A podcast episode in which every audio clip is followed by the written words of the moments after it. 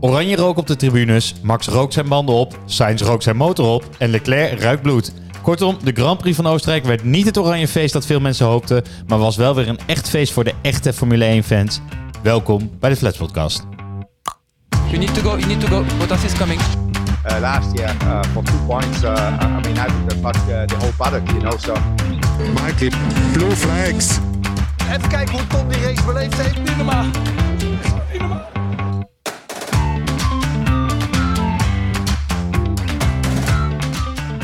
Hallo allemaal en welkom bij de twaalfde aflevering van de Flats Podcast in het tweede seizoen, waarin de meest amateuristische experts van Nederland hierbij praten over de zin en vooral ook de onzin van de afgelopen Grand Prix. En dat was de Grand Prix van Oostenrijk. Ik zit hier vandaag met Peter en Bernhard. Welkom heren. Hallo. Eh, Dankjewel. Ik denk dat we eerst even complimenten voor Pien moeten geven, hè, die meteen de feedback verwerkt heeft. Gunther Steiner in de intro. Ja, Ik heb hier, eh, ik vond hem mooi. Een lang, eh, ver- een lang vervulde wens. Gaat in vervulling. Ja, en een vergeten quote ook. Nou, Ja. die, die Hij, van ja, nou, hij kwam Ja. vorige aflevering natuurlijk terug. Ja, dus en ik het weer- wel mooi om hem weer te horen. Ja. En na deze race is het ook weer totaal achterhaald natuurlijk. Die hazen gaan hartstikke lekker, maar... eh, Sowieso wel leuk. In de tijd dat Hazen echt niet goed ging, zag je hem ook bijna niet. De jaren daarvoor wel heel veel. Dus ik hoop dat hij nu ook weer meer terugkomt in beeld in de paddock. Eh puur omdat Hazen het nu weer wat beter doet. Ja, in ieder geval in onze jingle. Hey, we zijn eh, halverwege, precies halverwege het seizoen. Hè? We 11 van de 22 races zijn verreden. Dus eh, je knippert een keertje met je ogen en we zijn er.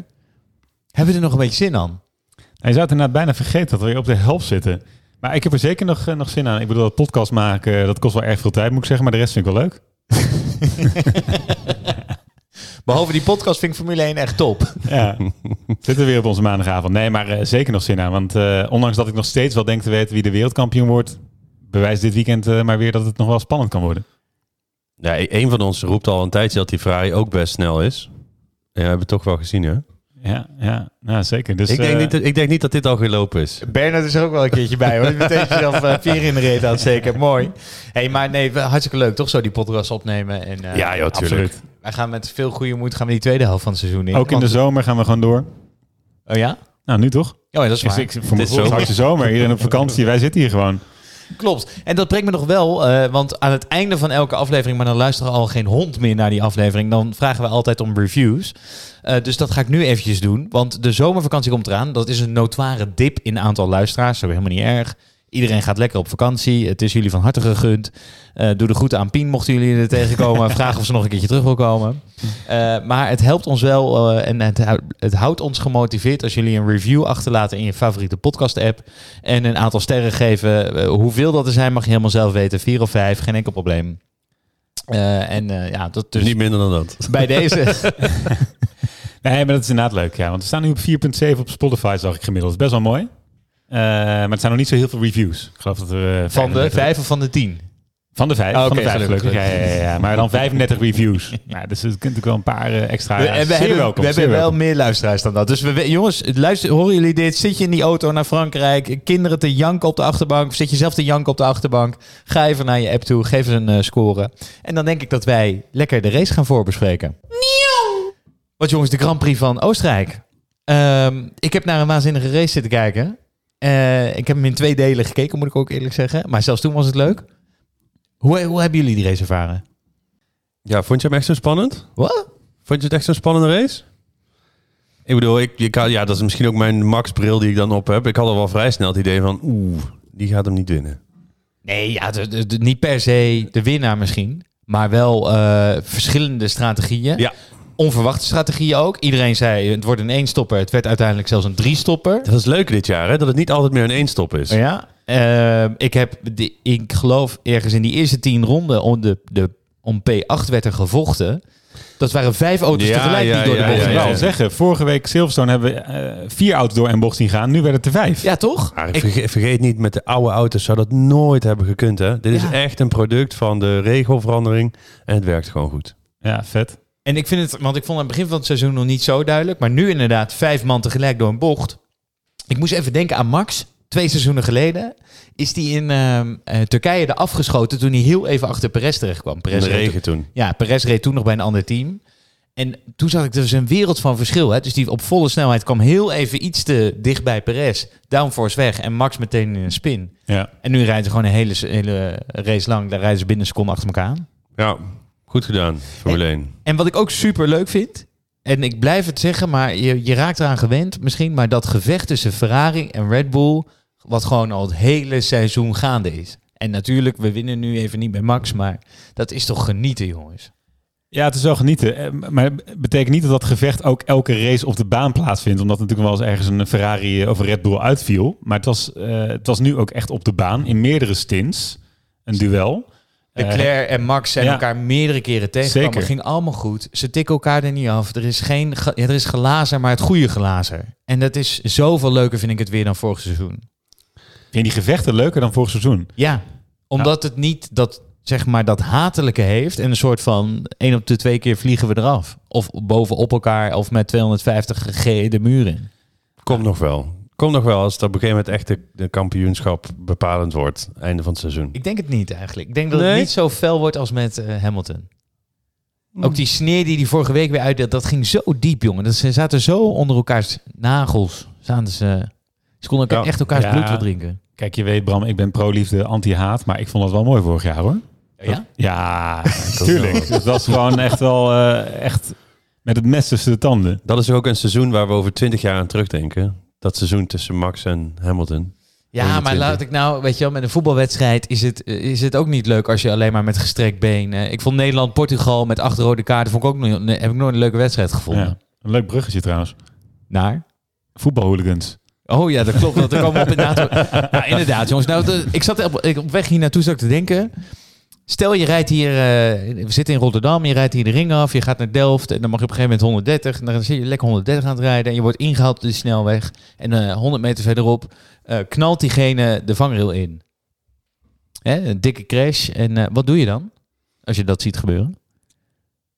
Stoppen, hulp roepen. Ik zit te denken, heb ik een eh, reclame van Siri gemist? Ja, nee, toch? Stoppen, je gaat helpen, Ja. je belt 112, je schrikt jezelf toch de, de kloten. Ja. Wat je in ieder geval niet gaat doen, is uitstappen en kaart staan juichen daarnaast, toch? En Klopt. dat is precies wat al die Nederlandse fans wel deden op de vrijdag, was dit? Nee, zaterdag. Toen eh, Hamilton crashte. Het was echt sch- schaamteloos. Die gast gaat met 150 km per uur de baan af, de banden in, keihard.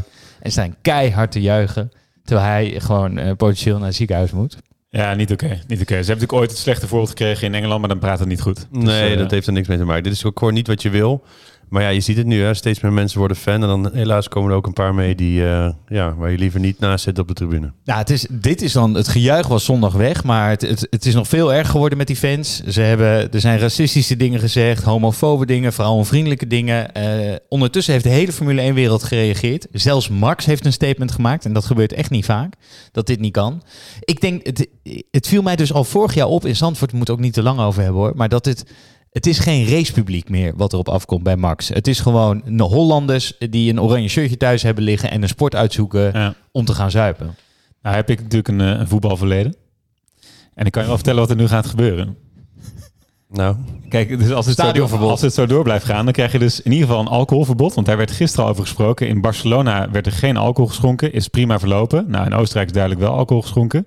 Als dat zo doorgaat en je kijkt een beetje de voetballijnen, dan zou dat kunnen gebeuren. En dan de, de, de stap daarna, geen uitpubliek. Maar krijg,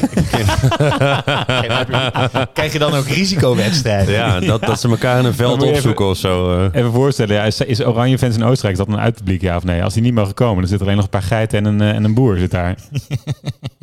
Er zaten wel Ferrari-fans trouwens. Je hoorde een paar mensen juichen. Ja. Maar ja, die zullen, dat zullen dan misschien ook wel de slachtoffer zijn geweest. Oh, Zit ik nu te denken. Ja, ja, goed. Ellende. Hey, we, gaan, eh, we gaan gewoon over de inhoudelijke dingen praten. Eh, was je een van die mensen en zit je te luisteren? Vast niet, zit helemaal niet in ons publiek. Dan mag je nu uitzetten, dan hoeven we je ook verder niet meer te zien. Eh, dan gaan we met de leuke mensen lekker verder naar de uitslag van de race. En we beginnen bij de nummer 1, Peet. Dat is Charles Leclerc. Ja, misschien wel de meest eh, gefrustreerde coureur van de afgelopen weken. Hij kon eindelijk weer eens juichen. Eh, ja, en wie zag deze ritzegen aankomen is dan de vraag. Hè? Want normaal gesproken pakt Leclerc in goede doen in ieder geval pole position in de kwalificatie. Om vervolgens maar af te moeten wachten of hij tijdens een race eh, kans heeft om te winnen op zondag. Maar dit keer waren de rollen een beetje omgedraaid. Verstappen won namelijk de kwalificatie. Leclerc kon niet in de beurt komen tijdens een sprintrace op zaterdag. Maar stond tot ieders verbazing eigenlijk met een ijzersterke Ferrari kwam hij voor de dag op zondag. En die Leclerc haalt Max gewoon op meerdere type banden in meerdere stints in. En is eigenlijk gewoon niet bij te houden door Red Bull. En zo wint Leclerc na vijf raceweekenden zonder podium de race. Wat eh, tot de nodige opluchting leidde op de boordradio. And P1 one. Yes, sir. Yes. Oh. yes, come on. Oh, oh my God. I was scared. I was really scared. Yes. Amazing job. No words. Zo, dat kwam van diep. Maar Er deze kwam- engineer is tenminste wel blij. Ja, dat is nog die wel blij. een eh, verschil met vorige week. Ja, ja, ja. Maar jongens, even mijn punt. Hè. Helemaal vanzelf ging dit uiteindelijk toch ook voor Ferrari weer niet. Want Car- nadat Carlos Sainz, die waarschijnlijk een trilogie Lord of the Rings eh, gekeken heeft... en de beacons van Midas Tirith aan het aansteken was in bocht 3 van ronde Doe je 57. dit nou echt? Ja, ik dacht ik ga hem gewoon Iemand maken. heeft zich wat er voorbereid vandaag. Zo. Oh, joi, joi. Nou, zijn de andere luisteraars ook kwijt verder. sloeg eh, de paniek toch wel echt een beetje toe bij Ferrari. eh, toen het rem, zeker toen het rempedaal van Leclerc begon vast te zitten in de laatste ronde. En toen kwam, eh, toen kwam ja, Charles... Sloeg wel een beetje paniek. Team ook. Hakken over de sloot haalt hij de finish. Anderhalve seconde voorsprong op Max. Ehm, ja, jongens. ik zou bijna zeggen, kan Ferrari ooit een keer normaal winnen? Het is eh, zijn gaspedaal zat vast, niet zijn rempedaal. Zei ik rempedaal? Zijn Ja. gaspedaal zat vast. Ja, dat is nog enger. Dat, nou, ik heb Bleef toch niet mijn 20% gaspedaal vast zitten in de Formule 1 dan mijn rempedaal vast zitten, denk ik. Hij bleef voor 20% openstaan, minimaal. Ja. Maar met, mijn punt is eigenlijk, het, het lijkt... En ik had zo, zoiets ook op driekwart van de race. Inderdaad, ik dacht kat in bakje voor Ferrari. En dan gaat het toch weer fout. Of dan gaat het toch weer paniek. Inderdaad, Sainz die ronde 57 echt Ja. zijn volledige motor ontploft. En dan die laatste ronde opeens weer een soort van pannen bij Leclerc. Dat was toch echt wel een beetje paniek op de boordradio. Ja, het deed me een beetje denken aan races van vroeger. Hè? Echt zo'n zo'n zo'n explosie. Want als je hem ook in de herhaling zag, dan zag je ook echt... Ja, die, die, die, die zuiger die zit ergens in een ander dorp. eh, hebben, zijn ze die, hebben, ze, hebben ze die teruggevonden. Dit was een ouderwetse klappert weer. Ja. Ja. Wel mooi om te zien. En is ook, ik vind het ook helemaal niet erg dat een race bepaald wordt door zoiets af en toe. Dat is toch weer een stukje onvoorspelbaarheid. Nee, het is Als het niet elke keer bij dezelfde gebeurt, vind ik het wel, wel wat toevoegen eigenlijk. Ja, het is vaak bij... eh ja, Charles natuurlijk ook zo blij, omdat sinds Miami geloof ik was dat hij überhaupt op een podium heeft gestaan. Ja, die zou ik Ja. bijna vergeten. Hij heeft echt heel veel pech gehad. Ja. Eh, ik moest wel keihard lachen om plan I. Plan Eco? E. Hè? Ja. Dus werd omge toen dacht ik, deze race gaat zeg maar, is echt kat in het bak voor, bakje voor jullie. Jullie hoeven je echt nergens op. Je kan helemaal op plan A gaan. Waarom ga je nu strategisch op plan E? En toen dacht ik, hier zit natuurlijk het probleem. Ze hebben gewoon hele absurde scenario's werken zij steeds uit met dat strategieteam. En het normale scenario komt dus pas bij plan E aan bod. Ja. Dat viel mij op. Weet je wat me ook opviel? Ja. En dat viel me vorige week ook al op. Daar hangen heel weinig engineers in die hekken als zij finishen. Om te juichen. Ja, Ja, dus moet je maar de beelden terugkijken. Red Bull hing denk ik met drie keer meer man nu, toen Max tweede werd, uit de hekken, dan Ferrari. Die hingen met vier man, waren die een beetje aan het klappen, zeg maar, toen Leclerc voorbij kwam. Ja, maar die staan alvast het volkslied weer te oefenen en met een Italiaanse vlag vooraan aan het hek, volgens mij. Ja, de totale chaos is dat natuurlijk ook weer bij dat team. Dus dat, dat viel me ook nog op. Er was nog iets wat me op was gevallen. Ik pak even mijn lijst erbij. Oh ja, geen teamorders op, za- op eh, zaterdag. Nee, Die, die sprintrace. Mhm. En dat heeft ze dus uiteindelijk, eh, volgens Leclerc althans, de, ook die sprintrace zegen gekost. Hè? Want dat, die waren inderdaad, oké, Leclerc met Sainz inderdaad aan het battelen op die sprintrace. En dat kost tijd, dat weten we. En volgens is die sprintrace eigenlijk te kort om, eh, om Max Maar je vervolgens ziet op te zondag dat die pace er wel is. Dus in principe, hè, wat was het verschil met zaterdag en zondag? Dat ze zaterdag die eerste paar ronden echt hebben lopen, lopen vechten met elkaar. Iets wat me ook nog wel opviel, bedenk ik me nu. Eh, Leclerc heeft ook nog een boete gehad hè, na de race. Weet je waarom? Nee? Leclerc heeft een boete gehad omdat de fysiotherapeut van eh, Ferrari erbij is gekomen voordat de coureur gewogen is. 10.000 eurotjes. Willen jullie daarop reageren of zo? Ja, dat is een terecht punt, Bernhard. En dat is voor de vaste luisteraar inderdaad, denk ik, eh, die herinnert zich dat. Er zijn trouwens nog twee andere coureurs ook bij wie dit gebeurd is. Maakt niet uit, het Ja, punt staat. Ja, ja, die fucking visio. weer. Nee, maar even, even terug naar die teamorders, hè. Eh, ja, ik vind het lekker hè, als neutrale kijker. Ik vind het echt leuk dat die Ferraris met elkaar mogen vechten. Maar het is toch oerstom van dit team dat ze dit zijn gang laten gaan. Ja, Je ze moet er laten gewoon- een beetje leiden door emoties. Zeg maar, ik, snap dat, ik snap dat gevoel. Maar als je wereldkampioen wil worden, kun je dat niet zo Nee, hebben. dan moet je toch tegen Sainz zeggen, ja, back the fuck af. Want eh, Leclerc moet Verstappen aanvallen. In Tenzij je echt duidelijk de snelste auto hebt, dan kun je het doen. Maar in deze situatie moet je dat gewoon niet doen. Nee, het is gewoon... eh, dus dat is eigenlijk het enige foutje wat het team maakt. Ja. Los van de motor in de fik en een gaspedaal wat blijft aan. Ja, nou, Binotto deed er inderdaad wel wat opvallende uitspraken over deze week. Van, hè, het, het verschil tussen die twee coureurs is niet groot genoeg in het klassement. En, en het is nog niet laat genoeg in het seizoen om dat nu al te gaan beslissen. Toen dacht ik echt van ja, dat is inderdaad eh, wel een beetje jezelf in de voet schieten. Heeft hij vorig seizoen niet gekeken? Moeten we nog even die laatste racenaam doorsturen? Ja. Nee, ja, ik ben het helemaal eens. Dit is onvoorstelbaar. Ja, en dan heb je notabene... eh was het niet Massa, Felipe Massa, die op één punt het wereldkampioenschap toen verloren heeft aan eh, Hamilton? Ja, 2008. Ze, ze zouden het moeten weten. Die Is dat Timo Glock? Ze zouden het moeten weten. Goed. Hey, de nummer twee in de uitslag, eh, daar wil ik het even over hebben. Max Verstappen. Want ja, eh, eh, we gingen hier, we zeiden de vorige week nog tegen elkaar. eh kolfje naar Max een hand. Dit is zijn circuit. Ja. Het is de Red Bull Ring, maar niet alleen vanwege de naam, omdat hij hem altijd wint. Ehm, en misschien hebben we ons ook een beetje gedurende het weekend in slaap laten sussen. Want hij reed dus echt een wereldronde in de kwalificatie.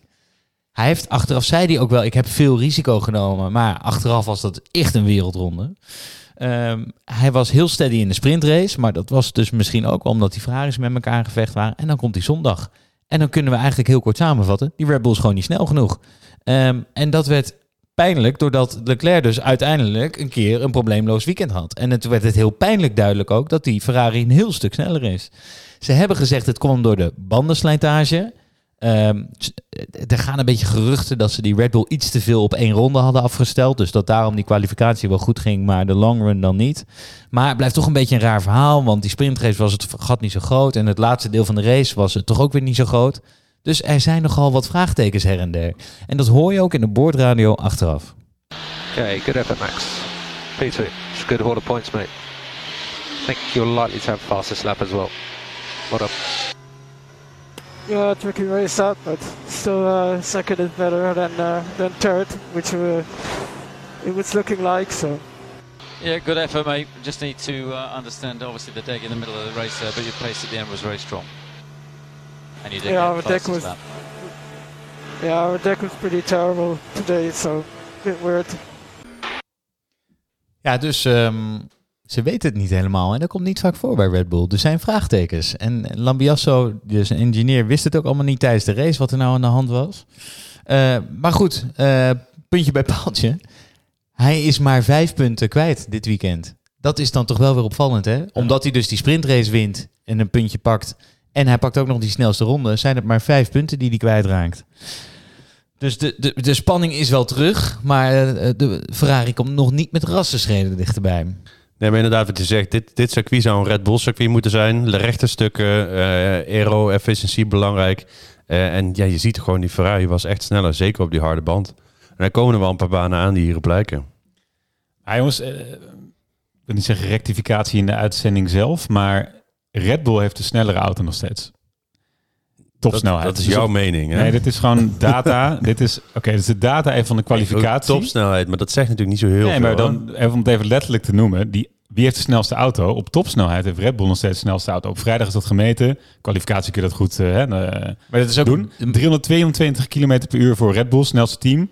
Ferrari heeft het vijfde snelste team, 318 km per uur. Er zit zelfs Williams nog tussen. Het zit, het zit niet zozeer in, in de snelheid, het zit meer in de afstelling. En dat, dat, vond ik, dat punt eh, onderstreep ik wel. Die auto van Red Bull is waarschijnlijk niet helemaal goed afgesteld. En, Ja. en die van Ferrari, dat vind ik nog een andere theorie. Want daarom zie je misschien wel dat Sainz ontploft. Die is misschien wel een keer op het randje gezet. Van nu of nooit, we moeten terugkomen. Dat laatste kunnen. Of die, kijk, Williams kan ook de snelste zijn op het rechtse stuk. Dan zet je gewoon alle vleugels zet Ze je zijn jarenlang de snelste geweest op het rechte stuk. Ja, en dan, maar dan heb je gewoon een klote auto de rest van het circuit. Dus die, die snelheid op het rechte stuk is ook enigszins een keuze, snap je? Ja, ja. Eh, dus het gaat erom natuurlijk dat je dan het totaal goed krijgt. Dus en recht op, op het rechte stuk en in die bochten zo snel als mogelijk. Ja, en daar is Ferrari toch wel hier en meester op dit moment. ik- echt, echt heel erg. Nou, in deze race, ja. In deze Ik vind ook wat ze zeggen in de teamradio over die dag. Hè, dat gaat over de degradation. Dus het kapot gaan van de banden en hoe snel dat gaat. Daar waren ze juist altijd heel goed in. Ja, Dat was iets waar Red Bull echt een streepje voor had altijd. En nu eh, lijkt het in ieder geval geen zekerheidje meer. dus ja, de, Baart me zorgen. als neutrale kijker zeg je inderdaad, eh, de spanning is terug. En als Max-fan zeg je, het baart me zorgen. Eh, maar het, eh, ik, zeg, ik zeg nog steeds niet dat hij wereldkampioen wordt. Eh, Je wilt er nog op terugkomen, P? Zal ik de luisteraars gewoon nog maar even geruststellen dan? Want eh, ja, we, Ik ga het niet doen. nee, we hebben genoeg eh, gezien de afgelopen week, jongens. Dus, het is, eh, het gaat ook om stabiliteit en strategie eh, en een betrouwbare auto. Dus eh, geen zorgen, zeg ik. Oké, heel goed. En voordat we verder gaan met de uitslag, wil ik eventjes naar de lekenvraag van de week gaan. Uh, Michael, I just send you an email um, with the diagrams where the car should be. Did you receive that? Uh, yeah, then you should maybe look at this because there is something with the rules coming up.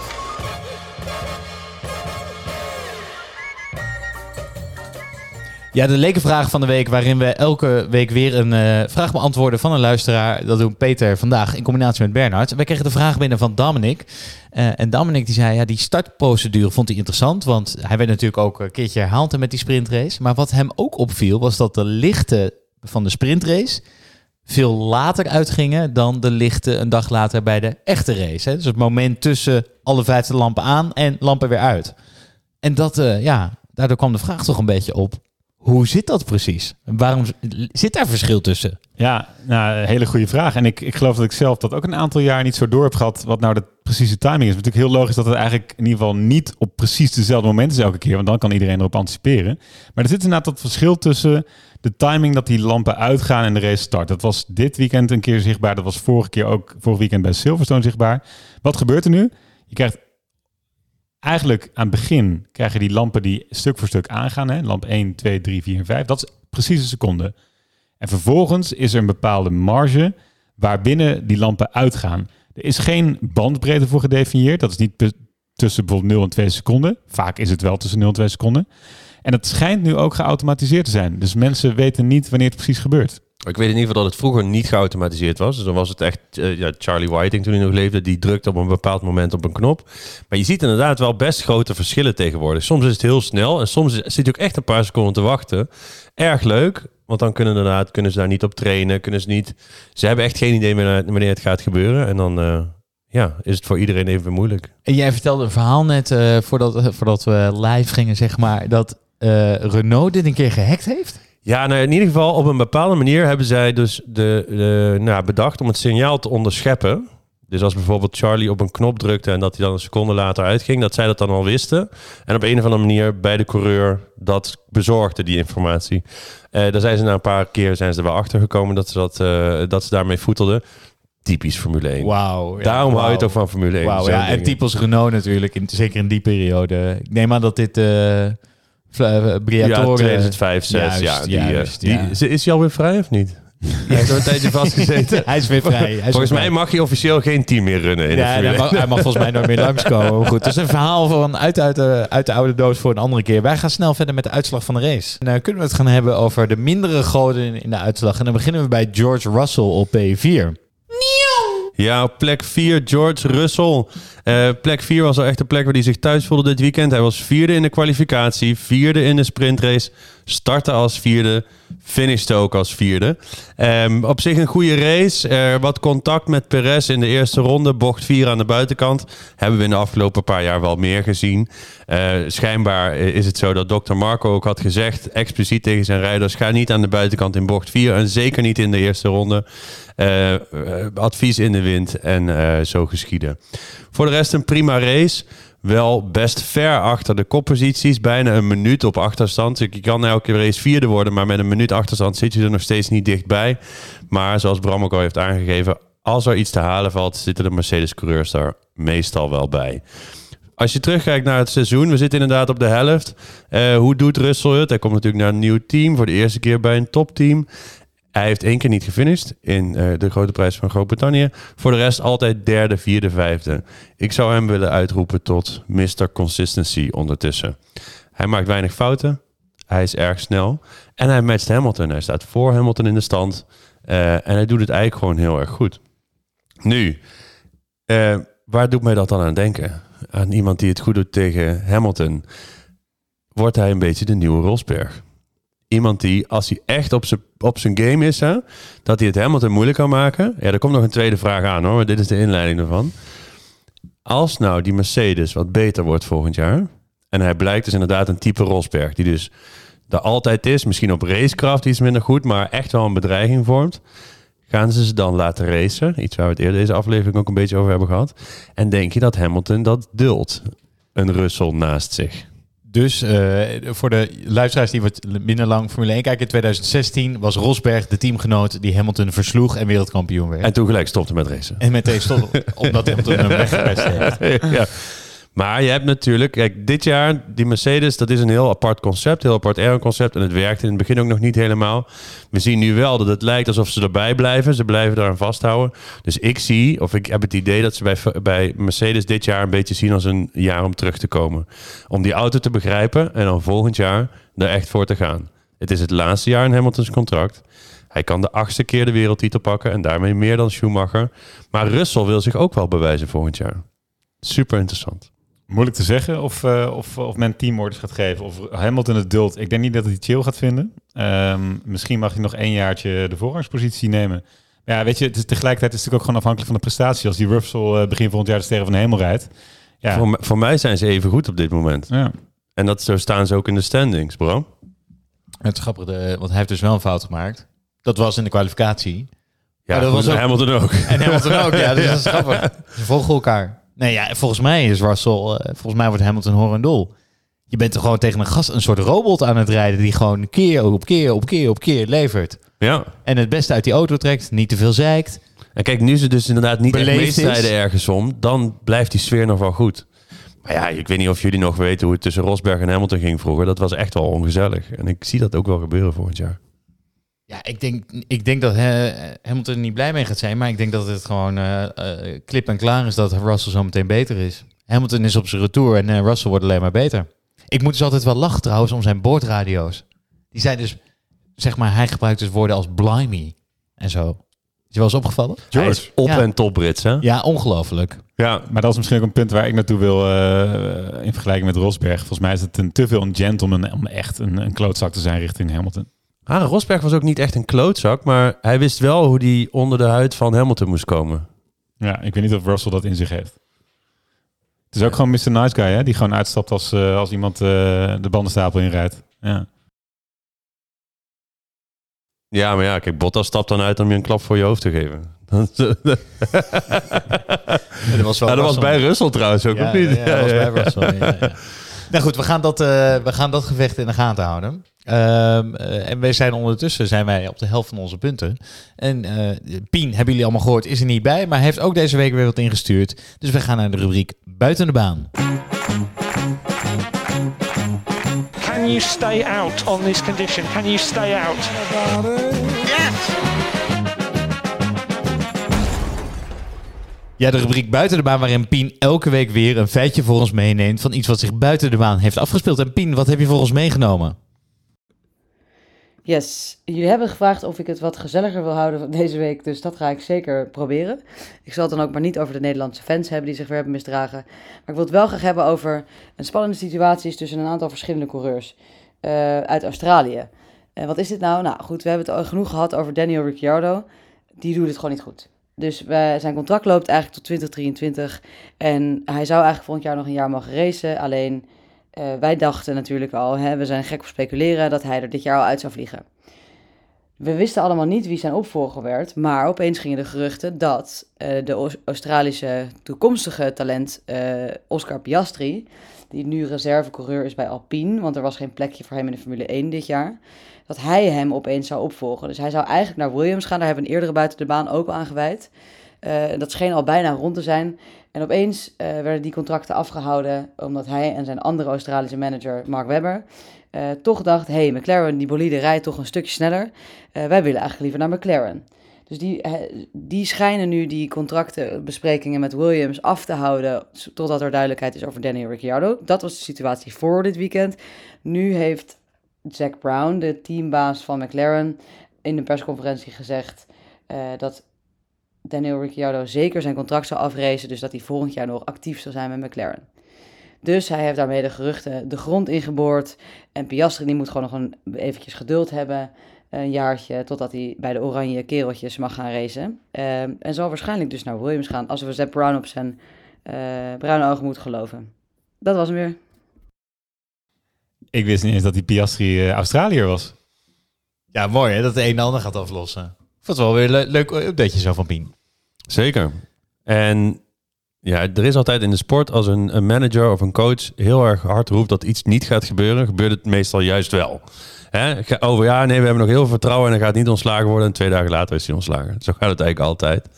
En, maar in het algemeen, ik vind het lastig dat als iemand de F2 wint en echt overtuigend, dat hij dan moeite heeft om Formule 1 in te komen.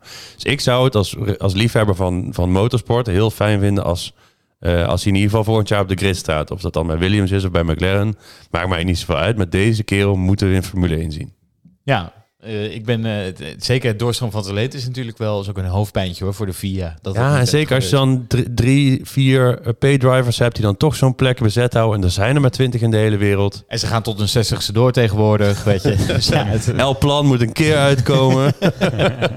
hey, die, uh, ik had ook nog een klein puntje buiten de baan. Dat purpoising, waarvan we vorige week zeiden het is doodstil geworden. Uh, ja, dat klopt dus ook wel. Want er was dus aangekondigd dat er een... de, de liepen metingen, dat had jij goed, P. Een soort van anti-rectificatie die ik nu doe. Kaching, punten. Ja, volgens mij was Tim dat, maar prima. Ik ben blij dat ik de, de veren krijg. Oh, sorry, neem ik ze weer terug, even aan Tim. Graag. Uh, nee, dus die, uh, de, er zou eigenlijk vanaf over twee weken in Frankrijk zou de nieuwe formule actief zijn. Waarin gemeten wordt of je te veel aan het bouncen bent. Maar weer die teams aan het zeiken. En het wordt nu pas bij Spa dat die nieuwe uh, formule actief wordt. En dus- even, zonder al te technisch te worden, wat is dan de, de parameter waar we naar kijken? Ja, geen idee. Dus die formule, staat er niet vast. Zeggen die, nee, die staat dus wel vast. Die is ook bekendgemaakt. Maar iedereen zegt ervan, die is te complex om uit te leggen. Dus die teams zijn ook enorm aan het zeuren. En ik moet nog zien dat het überhaupt gaat gebeuren. Want sinds dat dat helemaal ontploft is in Canada, hebben we, ook, hebben we het ook nooit meer over bouncen gehad. We hebben het ook niet meer gezien. Je ziet het ook niet zoveel. Nee, die teams hebben het in één Let them race, huh? Ja, precies. Dus uh, maar goed, mochten we een update krijgen, houden we jullie op de hoogte. Hey, ik wilde het even over die andere McLaren-coureur hebben, Lando Norris. Nieuw! Want daar hebben we het al een tijdje niet over gehad. En uh, ik denk, ik pak hem er toch eens even bij. Uh, want je had eigenlijk, hè, vorig jaar had je vier kroonprinsen in de mm. Formule 1. Je had Max, Leclerc, Russell en Norris. Dat werd natuurlijk al één koning met drie kroonprinsen toen Max kampioen werd. Maar ik denk eigenlijk dat we nu kunnen stellen dat er één koning is, nog maar twee kroonprinsen en een lelijk stiefzusje. En dat is Lando Norris. Want hij begint toch wel echt heel erg weg te zakken hoor. Hij heeft totaal geen lekker weekend. In de kwalificatie, uh, dat was echt een dieptepunt vond ik dit seizoen, moest hij, heeft hij tot drie keer toe geprobeerd een rondje neer te zetten in Q2. Tot drie keer toe is die ronde afgepakt omdat hij buiten de lijntjes kleurt. En, en moet hij als vijftiende starten. Nou, uiteindelijk uh, wordt hij dan elfde in de sprintrace en uiteindelijk wordt hij zevende. Pakt wel weer een tijdpenalty omdat hij ook tijdens de race drie keer buiten de baan kleurt. Buiten de lijntjes kleurt. En, en de spirit is er ook wel een beetje uit. Moet je heel even luisteren hoe die radio klonk aan het einde. And recharge on, that's P7. P7. Yeah, yeah, sorry about that. It should be P6. My mistake. With the, with the time penalty, so. No worries. I think after the Friday we had, that's not bad. That's not bad. Nou, dat is, uh, die vond ik een ijskoude eigenlijk. Hij wordt gewoon hij wordt meegezogen in het moeras van McLaren. Hij is nog maar twee keer in de top 5 gefinished. Hè? Mind you, hij heeft vorig jaar heeft hij bijna gewonnen in die regenrace. Uh, en is hij ook nog tweede geworden in die 1-2 met Ricciardo. Race echt vooraan mee. Um, de, de, enige positieve mention is dat hij eigenlijk altijd wel gefinished is. En daardoor staat hij nu... Ook altijd wel voor zijn teamgenoot. Ja, zijn teamgenoot is ook die leeggelopen Australiër, die we niet meer gaan noemen. Maar uh, hij is dus wel de zevende coureur in de stand, maar echt een straatlengte achter op die generatiegenoten die ik net noemde. Uh, en dan nog het allerslechtste nieuws, eigenlijk is helemaal niet zo'n leuk punt. Maar hij zit tot eind 2025 zit hij vast bij McLaren. En ik zeg, dat is hartstikke slecht nieuws voor die jongen. Ja, ik denk dat dat wel een terechte stelling is. Um, en om dan toch nog maar even één keer wel terug te grijpen op die teamgenoot van hem. Wat je natuurlijk ook mist in, in je team. En dan zie je maar dat een uh, misschien wat minder functionerende teamgenoot... dat dat best wel kwalijk kan zijn uh, voor, voor het gehele team... is dat je ook niet meer geprikkeld wordt door de concurrentie in je eigen team. Ja. Ik denk dat hij dat ook wel mist. Uh, maar eens, eens. Het is, het is, wat er nu gebeurt met McLaren is wel heel jammer voor het talent van Norris. Nee, heel goed punt. Ik had er zelf nog helemaal niet over nagedacht. Als je niet kan optrekken aan iemand, dan denk ik dat dat ook een negatieve impact op jezelf heeft. Nu denk ik wel om te reageren op jou, Bram. Ik denk dat het meer een McLaren-probleem is dan een Norris-probleem. Ja, zeker. Maar omdat hij dus tot eind 2025 zit, wordt het ook een Norris-probleem. Maar er zitten wel, er werken een hoop slimme mensen bij McLaren. Eh, gewoon als je kijkt naar budget en naar, eh, naar, naar ervaring, ja, zouden, zouden ze gewoon om de vierde plek mee moeten strijden elk jaar.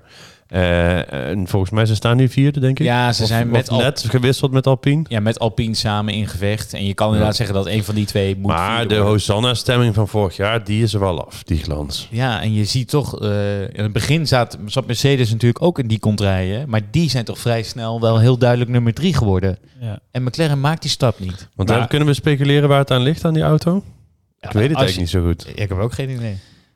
Nee, maar wat, wat met het voorbeeld van Mercedes wat jij maakt, zou je wel kunnen zeggen dat dit niet per se tot eind, eh, tot 2025 echt zo'n ellende moet blijven, die bijrol. Dat hoop Ja, ik dan weer niet. Het was een stijgende lijn eigenlijk sinds dat ze bij Honda weg zijn gegaan. Toen zijn, waren ze volgens mij zevende, toen zesde, toen vijfde. Dat was, daar zat progressie in en dat stagneert nu en daalt misschien zelfs wel. Dus ik vind het wel worrying. Het, is een, eh, het baart me wel zorgen, deze trend. Ja. En ik mis die bezieling inderdaad ook wel een beetje bij Norris. Ik bedoel, eh, ik eh, mis ook wel eens de bezieling bij mezelf op mijn werk, maar ik verdien geen 20 miljoen eh, euro per jaar. dus dat is wel, eh, ja, dat is Wat wel... bedoel je, Mr. Bezieling? Dat die... Nou, wat je nu, dat, is- die is zijn stem, zijn toon op de boordradio, misschien ook wel een beetje hoe, eh, zijn gelaat, zijn houding. Should have been P6, ja. Nee, maar het is, ik denk dat jouw punt over prikkeling wel een goede is. Ehm, maar laten we hopen dat dat team weer de weg naar boven inzet. Want ik gun het hem wel. Ja, dat verdient hij. En tot die tijd wordt het dan toch Max Leclerc. En misschien wel eh, op een dag... ehm hoe heet het ook alweer? Oscar Piastri. Ja, nee, ja Piastri. Ja. Over wie had jij het dan? Nee, ik wou zeggen Russell. eh dat is natuurlijk de, de, de derde kroonprins. Ah, terug naar de kroonprinsen, Ja. juist. Eh, maar goed, we gaan eventjes naar iemand die eigenlijk al lang geen kroonprins meer is, maar eh, multi, multi, multi-koning. En die komen we op P10 tegen. En dat is Fernando Alonso. Ja, eindelijk kunnen we het weer even over Alonso hebben. Want heel eerlijk, ik had eigenlijk Ocon op mijn lijstje staan... die met zijn P6 een topprestatie neerzet... en niet voor de eerste keer meer punten binnenhaalt dan Alonso. Maar buiten dat kon ik eigenlijk heel weinig zinnigs over zeggen... en is het natuurlijk gewoon veel leuker om over Alonso te hebben.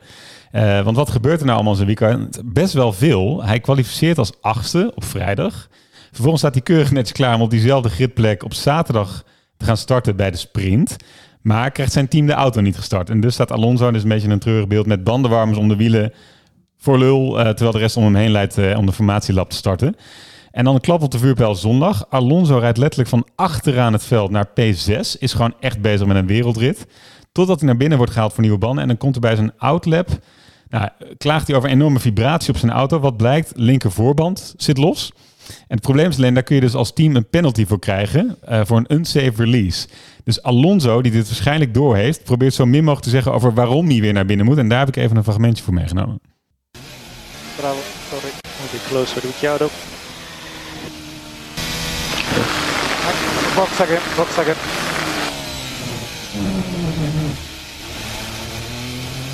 Okay, what's the issue?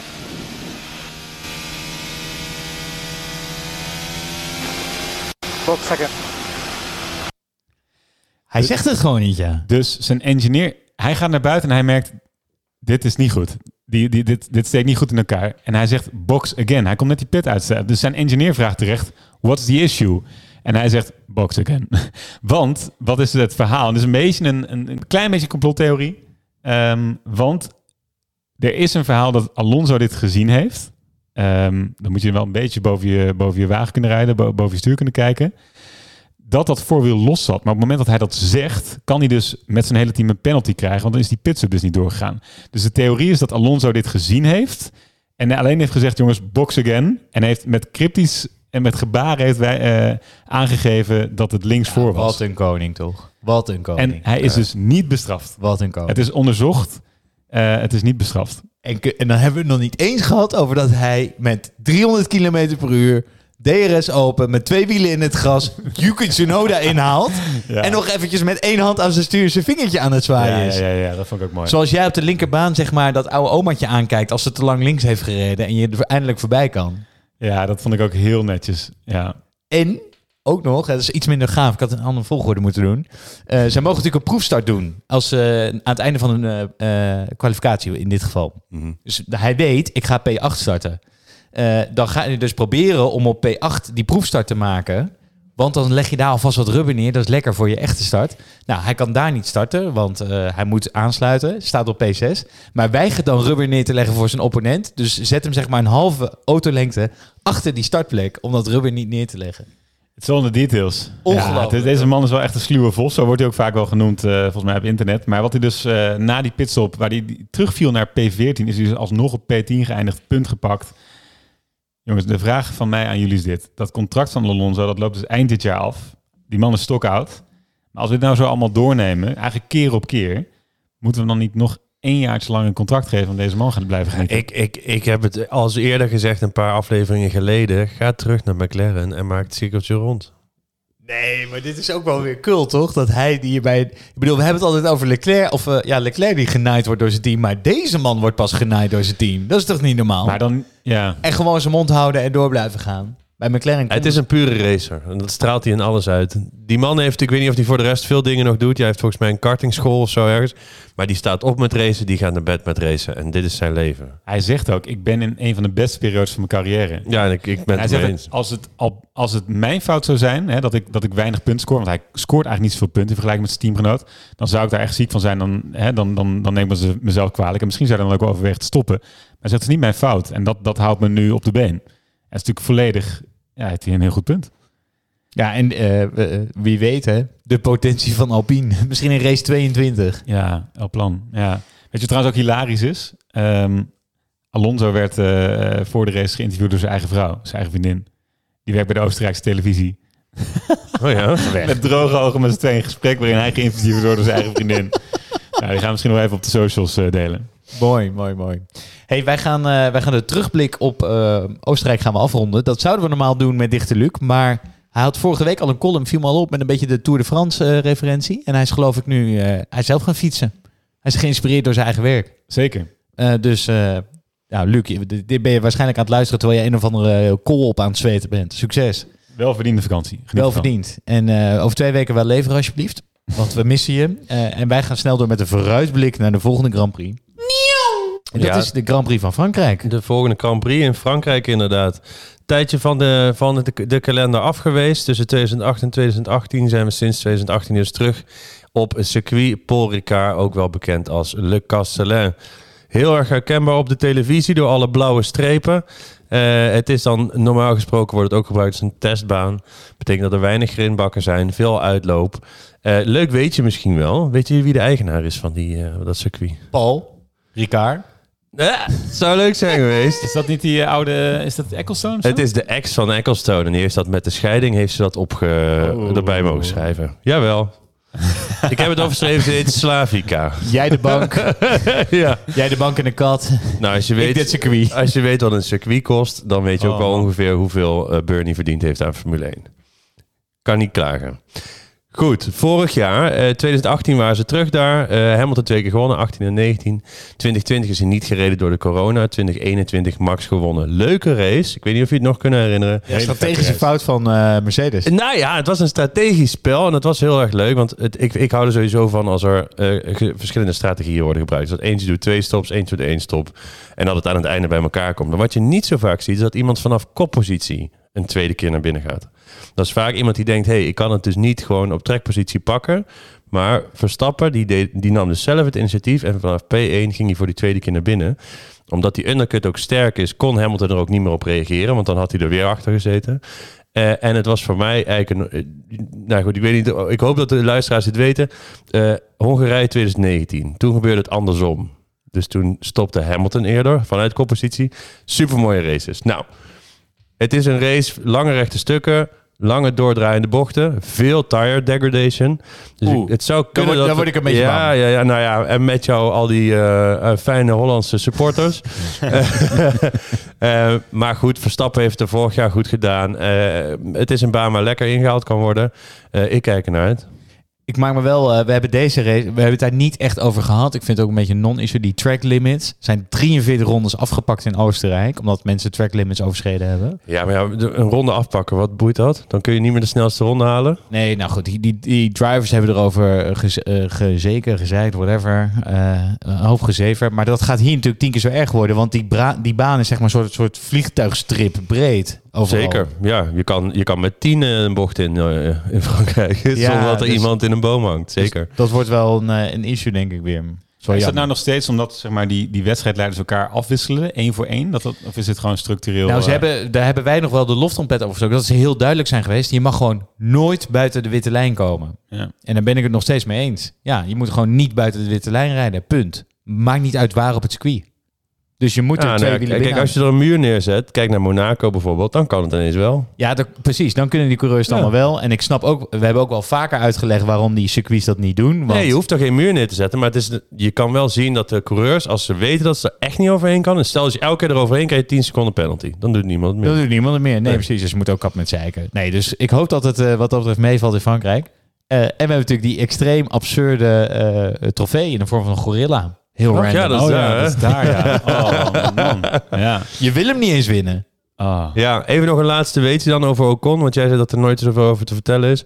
Ocon heeft zijn eigen tribune eh, volgende keer eh, op, op het circuit. 15 seconden was hij uitverkocht.